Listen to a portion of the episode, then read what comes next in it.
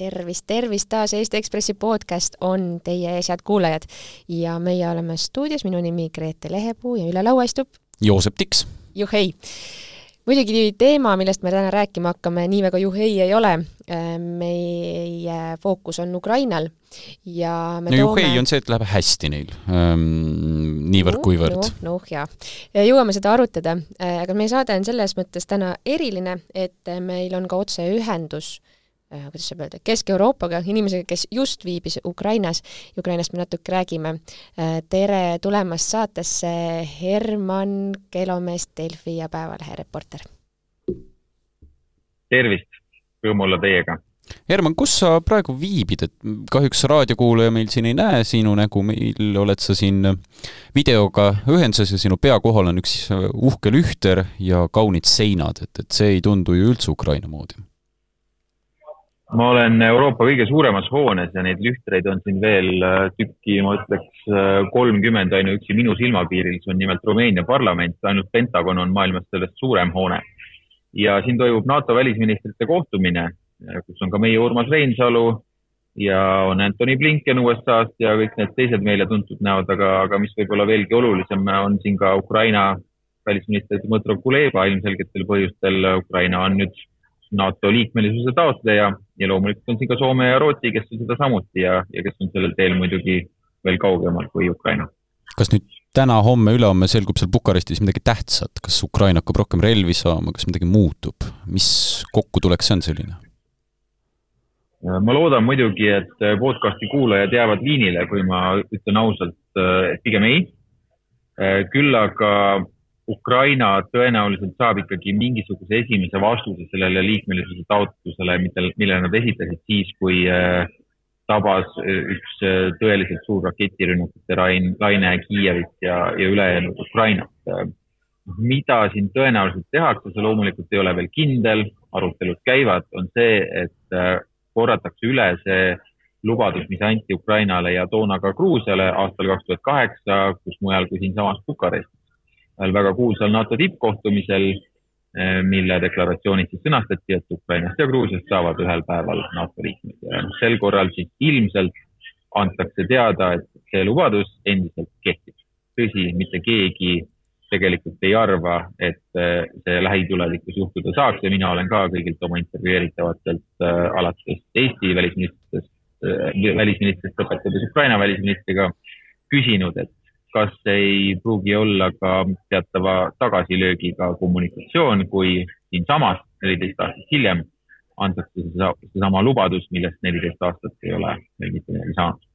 Ühtepidi selline sümboolne märk, et ollakse samas kohas, räägitakse samadel teemadel ja, ja ilmselgelt sinna noh, ei minda ju selle sümboliga äh,, seda sümbolit kuidagi kandma, et anda negatiivset sõnumit, aga teistpidi jah, ma ei tea, jääb see õõnsaks, see ettevõtmine? no vaatame siis teist poolt. On ka väga võimalik esiteks, et äh, ei juhtu sedagi, mistõttu võib võib-olla hinnata seda, kui sellele kokkuleppele suudetakse ikkagi jõuda, sest et Ukraina on vast ju veel keerulisemas olukorras, kui ta oli aastal kaks tuhat kaheksa, siis oli tema territoorium terviklik, kaasa arvatud Krimm oli seal kaks tuhat kaheksa Bukaresti tippkohtumisel kohal Putin, kes küll lausus ähvardavaid sõnu, aga kelle sõdurite saapad ei olnud veel Ukraina pinnal. nii et mõnes mõttes on seda lubadust praegult anda ju keerulisem kui toona. Äh, no fakt on see, et midagi peab Ukrainale vastuseks sellele liikmelisustaotlusele ütlema. Äh, seda on ka meie välisminister rõhutanud, et esmane reaktsioon sellele oli taotlusele siis oli kõrvulukustav vaikus. mis on mõneti mõistetav, eks ju, sest et äh, kui me räägime sõja ajal riigi võtmisest NATO-sse, noh, võib-olla veel sõja ajal, siis see tekitab igasuguseid küsimusi. kas see tähendab, et automaatselt alates äh, NATO liikme, liikmesuse algusest käivitub artikkel viis ja on NATO sõjas Venemaaga ja nii edasi ja nii edasi. siin on lahtiseid küsimusi palju. Ähm, aga no ma pean teisalt ütlema ka seda, et äh, mulle tundub, et Dmõtro Kuleba, Ukraina välisminister ja Ukraina üleüldiselt vist ei plaani hakata siin mingisuguseid väljamarssimisi korraldama või ta ise ka rõhutas seda, et äh, ei ole plaanis lasta ajada tülli äh, tema riiki ja liitlasriike, kes lõppkokkuvõttes on väga palju ikkagi teinud nende üheksa kuu jooksul, mõni rohkem, mõni vähem. Need riigid, kes tal just praegu külas käisid Kiievis, võib-olla on nende seas, kes on teinud rohkem. Aga ma ei ennustaks siit mingisugust suurt draamat. Bukaresti ei lennanud sa mitte küll Tallinnast, ütle, mis teed pidi sinna jõudsid ja kus sa eile olid? ma isegi mitte ei lennanud sinna, rääkimata sellest, et äh, oleks tulnud Tallinnast, õigemini viimase jupi äh, Poolast Žetšovst äh, Bukaresti me tõepoolest lendasime siis äh, Leedu õhujõudude lennukiga äh,, mis on äh, Leedu riigitegelasi üksjagu juba mööda maailma vedanud, kaasa arvatud Leedu presidenti Kiievist ähm, vahetult enne Venemaa lauspealetungi algust ja, ja sellisele kangelaslikule Äh, masinal on loomulikult äh, kohane nimi Vitautas pandud ja, ja see on siis äh, nendesama seitsme ministri, kellele ma põgusalt viitasin, ühisvisiit Kiievisse, millega kaasas ma käisin. Need on siis Põhja-Balti ministrid, puudu oli Taani, sest et neil on valitsusvahetus ja seal on omad sellised riigiõiguslikud asjaolud, mis takistasid tal osalemist. aga Island, Norra, Soome, Eesti, Läti, Leedu ja Rootsi olid seal siis kohal ja see oli selline päris märkimisväärne ühtsuse demonstratsioon, et sellest äh, visiidi sünniloost ja seda, mis seal täpselt juhtus, saab, saab lugeda ja näha Delfise päevalehes veel, kuigi üksjagu on meil neid äh, intervjuusid, videointervjuusid ja nohveid juba ilmunud. Ähm, seitse riiki, nii suurt delegatsiooni nii kõrgel tasemel äh, riigitegelastest ei olegi käinud pärast kahekümne neljandat veebruari. Ehm, ma ei olnud ise selle faktiga kursis ja, aga noh, seda tasub tähtsustada võib-olla ainuüksi sellepärast, et kõik need ministrid ise seda tähtsustasid, nagu ka Ukraina osapool. Ja mida teie näiteks, jah palju see turvamehi oli, noh, sellepärast et seitse inimest ikkagi tulevad, päris suur visiit on ja ma saan aru, et rongiga lähete Poolast ning tegelikult Vene raketirünnakud ja Vene oht on ju pidev ja konstantne, et, et kui turvatud ja ähm, noh, ütleme selline logistika jah? jah, kuidas see logistika käis, kas rong põrutas ja kas palju püssimehi oli ümberringi? see on väga õige küsimus sul, sest et rongis on ruum piiratud, äh, nii nagu ka selles bussis, millega me liikusime Ržetšovst siis ähm, Premõstisse, kus see rong startis. Et rongis oli neli vagunit ja, ja ega ma ei märganud, et rohkem kui kaks turvameest per minister äh, oleks sinna mahtunud, sest seal on ju ka pressitegelased, äh, noh siis nii ajakirjanikud, keda väga palju küll ei olnud, aga noh, kõigi nende ministrite kommunikatsiooniinimesed ja kõik need koos sinna rongi pakkuda, pak-, pakkida oli, oli selline paras peavalu nendele, kes seda visiiti korraldasid ja, ja igal riigil on ju oma enda standardid sellele, et äh, mida nende ihukaitsjad peavad nende ministri hüvanguks tegema. Ja, ja see on ka väga suur osa selle visiidi korraldamisest, kuidas need asjad üldse klappima saada, et kõik ministrid äh, ei saa olla samas ähm, väikebussis, et mõnel riigil on äh,, on ette nähtud, et peab olema eraldi auto, mõni tahab, et tuleks soomustatud auto ja nii edasi ja nii edasi, nii et äh, aga, aga noh, seal rongis ma pean ütlema, oli päris huvitav olla, et see on selline ähm, välispoliitikat kajastava ajakirjaniku jaoks äh, selline nagu laps kommipoes olukord. Äh, neil ei ole mitte kuhugi sinu eest põgeneda, tavaliselt noh, näiteks siin olustikus, kus ma praegult olen, siin selles Euroopa suurimas hoones, no katsu sa nüüd püüda neid välisministreid siin ähm, pressiesindajate, abide, sekretäride kaudu ja mida veel. seal olid nad kõik olemas, seal ma sain kõik nad kaheksa kätte liiguvad seal ringi oma tavalises riietuses. Ehm, selline väga muhe olustik on ja, ja päris kiiresti kaob ära see tunne, et, et noh, et need on siis välisministrid ja, ja väga tähtsad tegelased oma riikides ja kogu, kogu Euroopas. Ehm, intervjueerisin neid siis nende kupeedes.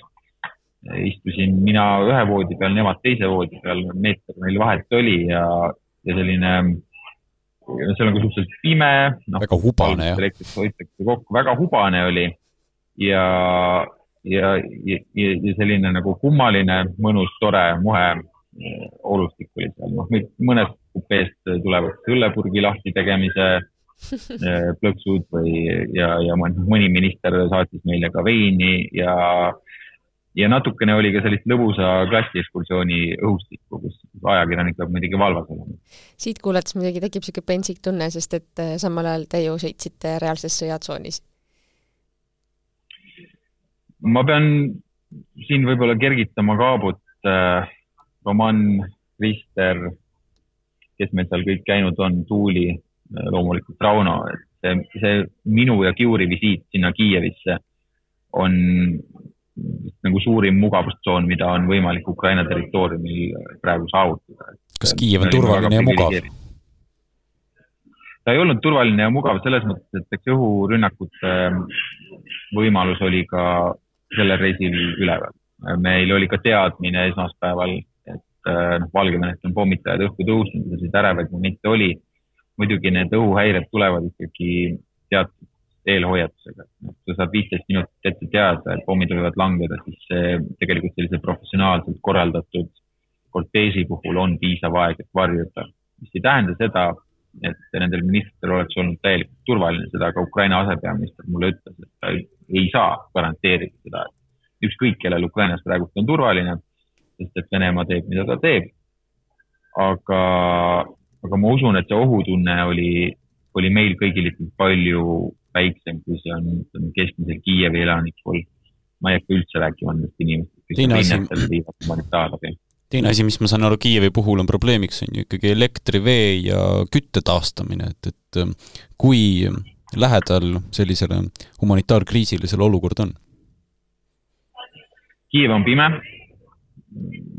ma kõige lähedasem sarnane kogemus, mis mul on sellisele linnale, mida ma nägin, on võib-olla minu lapsepõlve üheksakümnendate alguse Lasnamäel. seal oli mingisugune võrdlusmoment, aga elektrit hoitakse seal väga kokku, kõik need hooned, kus me käisime, seal oli väga külm. peab olema soe aluspesu, sall, mis iganes, sest et, sest et seal ei ole meeldiv olla, aru saada, miks see kõik nii on. aga noh, hea, et seal üldse, eks ju, ei ole seesama temperatuur, mis õues. näiteks Eesti saatkond meil eelmise nädala kolmapäeval oligi täiesti ilma veekütte, elektrita ja nii edasi ja nii edasi. ja Kiievi äärelinnades on juba paljud inimesed paar nädalat elanud äh, olukorras, kus äh, nad peavadki mõtlema mingisugused äh, muud lahendused välja, tsentraalne süsteem neid enam ei teeni. Neil on väga raske ja see on ka veel endiselt Kiiev. mida kaugemale Ukrainast me läheme, seda raskem on meil ette kujutada. sellest äh, külmast pimedusest rääkides on ähm, oht äh, uuele, uuele rändesurvele päris suur või vähemalt seda arutatakse, et, et ühel hetkel kiievlased ja neid on ju miljoneid endiselt seal, äh, kes on ka tulnud su-, suve vältel on ju tagasi pealinna oma koju, et nad hakkavad liikuma, kas, kas seda on paista, ähm, et see taluvuspiir on kätte jõudnud kohalikel? ja mind paneb see muretsema, on küll, ja mind paneb see muretsema sellepärast, et äh, meil ei ole veel isegi detsember käes. kolm kõige külmemat kuud ees, inimesed külmetavad samas juba praegu. madalamad temperatuurid on ees ja, ja need süsteemsed rünnakud Ukraina energiataristule muudavad paratamatult selle olukorra veel raskemaks. raske on näha, kuidas äh, põgenike hulk saab jääda väikseks. kas need on massid, eks, see sõltub sellest, et kui edukalt äh, saab Ukraina ennast kaitsta, mis sõltub muidugi läänest ja, ja see olukord on tõsine selles mõttes, et äh, kui tahta inimesi demoraliseerida, mis noh, ka Eesti mõni diplomaat tunnistab, et äh, mingil määral on ka õnnestunud, sest kui sul on juba kaks nädalat külm, siis, äh, siis see meeleheide on suhteliselt kerge tulema ja noh, mõelda selle peale, et selline asi võiks kesta kuid ja kuid. see võib olla täiesti talumatu mõte. ja ja noh, siin me näeme kahjuks seda, kuidas Venemaa rünnakud selle elanikkonna vastu mingil määral ka töötavad, nad peavad vastu, aga see vastupidavus pannakse järjest rohkem proovile. eile mulle sõjapäevikus sa ütlesid ka paar, paar lauset kohalikest nendest päevastest meeleoludest ja seal ähm, kahe peale arutades võtsime kokku umbes nii, et, et ühtaegu oli see poliitikute omavaheline kohtumine nagu töine, aga teiselt poolt ka mm, kaastundlik ja, ja võib-olla selline semulik, et äh, räägi jah, et ku-, kuidas, kuidas omavahel, mis suhted ja mis, mis meeleolud omavahel nendel tippametnikel on? kui võtta kokku, ma küsisin Kuleba käest, et noh, mis te siis Bukaresti kaasa võtate sellelt kaheksa riigi kohtumisest, sest et eks ju, see ei ole, see ei ole juhus, et see Kiievi kohtumine toimus kohe enne Bukaresti, et lausa sealt mindi otse Bukaresti just selleks, et nagu kalibreerida, ühtsustada sõnumeid ja teha kindlaks, kuidas saavutada sealt Bukarestist võimalikult suur liitlaste toetus edaspidi Ukrainale. Kuleba vastus, et mis ta kaasa võtab Bukaresti, on sõbrad ja, ja see ja mulle jäi mulje, et see meeleolu meeleolu oli seal tõepoolest siiras, et Ukraina välisminister ise tõi ka välja, et noh, kui tulevad need poliitikud välismaalt, nad tegelikult teavad, mis olukord on faktide põhjal, nende briifituse aste on suurepärane aga, aga koha peal nad kas ütleme, muudavad oma seisukohti selliselt, et neist saavad suuremad Ukraina toetajad või siis olemasolev toetus saab nagu oma akud laetud ja muutub võimsamaks ja, ja sellist nagu emotsionaalsust ja, ja, ja ka ühtehoidmise tunnet nendest välisministritest vähemalt mõnedest selgelt õhkus. seda, seda oli huvitav jälgida olukorras, kus me tavaliselt vaatame diplomaatiat ja rahvusvahelist suhted sellise, ma ei tea, nullsumma mänguna või, või millegina, kus äh, inimlikkus ja inimsuhted ei mängi rolli, et see, see ei ole absoluutselt nii Herman, sinuga on kaasas ka fotograaf Kiur, kellega me oleme juhtumisi mingil põhjusel Facebookis sõbrad ja ma vaatasin Facebooki, ta oli pannud pildi Volodõmõr Zelenskist. et kas äh, sul õnnestus äh, rahvusvahelise superstaariga, kui ma niimoodi võin öelda, et, et Ukraina presidendiga ka seal Kiievis kokku saada? Äh, no professionaalina ütlen, et pole lugu midagi sellest, et mina ei näinud Volodõmõr Zelenskit ja, ja Kiur sai seal olla ja temast pilte teha kas sind ei tahetud sinna või? isiklikult on äh, mul loomulikult sellest äh, kahju, no aus vastus, Joosep, on, et mind ei olnud vaja sinna. Äh, ja ma täie, ma täielikult mõistan nende seisukohta, minu kasutegur oleks seal olnud nullilähedane olukorras, kus seda hoonet turvatakse, võite arvata, kuidas. betoonplokid, liivakotid, mitu erinevat turvakontrolli, võetakse ära elektroonikaseadmed, võetakse ära ka pasak. ja pastapliiatsid võetakse ära, ütle, kuulsin ma õigesti? pastapliiatsid, ma saan aru, võetakse ka ära, et ma ei, ma täpselt ei tea, et kas siis kardetakse, et ma ei tea, et äh, mõni, mõni Põhjamaa välisminister äh, proovib Ukraina presidenti pastakaga rünnata, äh, aga noh, sellised meetmed seal on. mis Kiur ja Volodõmõr rääkisid omavahel? on Kiur sul rääkinud? president Zelenskõi ütles Kiurile tere, mispeale tegi Kiur temast pilti ja need pildid äh, on äh, pea kõigile näha, et ma arvan, et need on päris kihvtid.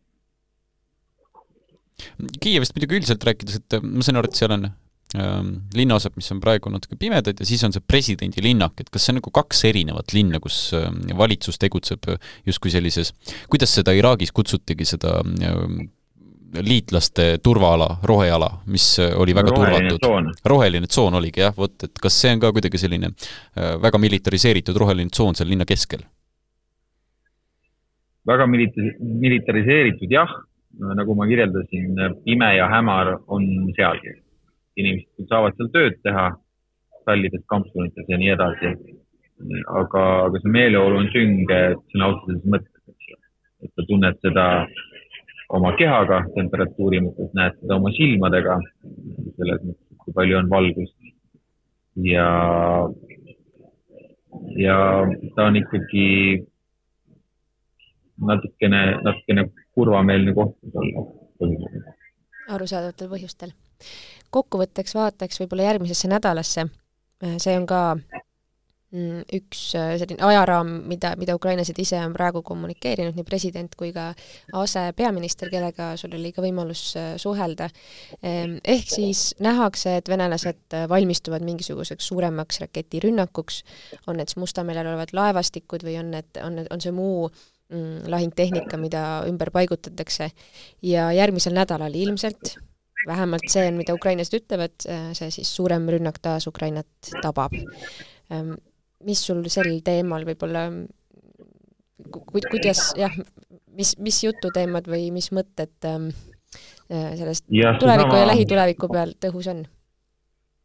seesama asepeaminister rääkis sellest, et tõenäoliselt juba sel nädalal võivad sellised rünnakud aset leida.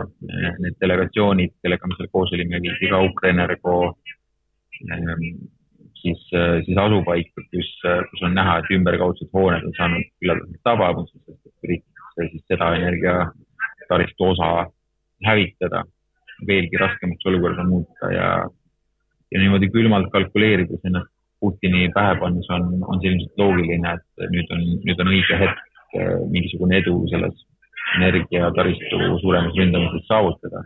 Mida varem seda teha, seda rohkem neid külmi talvepäevi, mida ukrainlased peavad üle elama.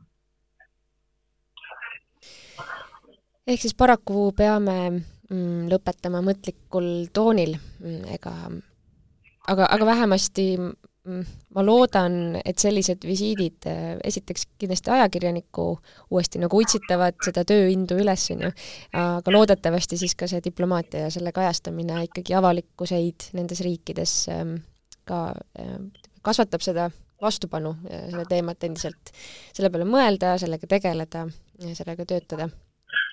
me, mis, mis meil siin istuda, kui, kui mõelda ukrainlastele samal ajal no Herman on ju kokku puutunud nüüd Kulebaga ja paljude ukrainlastega, et oskad sa öelda, mis mootor neid äh, nii tugevasti käimas hoiab? ma ei hakka konkreetseid ministreid nimetama, aga eks, nendes rongi intervjuudes ähm, oli ka neid momente, kus äh,, kus nii mina kui ka intervjueeritav olime suhteliselt sellistel poolsuletud silmadega äh,, veerisime oma küsimusi ja, ja vastuseid ette. väsimust on tegelikult tunnetatud küll sellist noh, nagu füüsilist väsimust päevade lõpus äh, ja muidugi on ka sellest olukorrast väsimus. seda, et see üldine vastupanuvõime kuidagi murdeks, seda, seda nagu küll ei paista, et mulle tundub, et neil on ikkagi väga selge see, noh, millest me ka Eestis saame suhteliselt hästi aru, et, äh, et sellist võib-olla nagu musta ja valge, hea ja kurja võitlust äh, enne seda, kui, kui selles suuremõõtmeline sõda puhkes me võib-olla teadsime rohkem Hollywoodi filmidest või muinasjuttudest. et siin ei ole lihtne aru saada, et mis see lõpptulemus peab olema ja sellest, et kannatama selleks peab, mis, mis jällegi ei tähenda seda, et see kannatamine oleks lihtne. aga mulle tundub, et on selleks jätkuvalt valmis. Aitäh, Herman, nende mõtete eest ja palju jõudu sulle ja, ja toredat ja turvalist tagasijõudmist Eestisse ja siis ähm, eeldatavasti siis Päevalehest saame lugeda äh, pikemalt äh, reportaaže ja intervjuusid. kohtumiseni! aitäh! aitäh sulle, Herman! ja ütleme head aega ka Ekspressi kuulajatele. Mm, Ekspress.ee ikka ootab teid lugema, head värsket kraami on seal iga päev. Kuulmiseni! Kuulmiseni!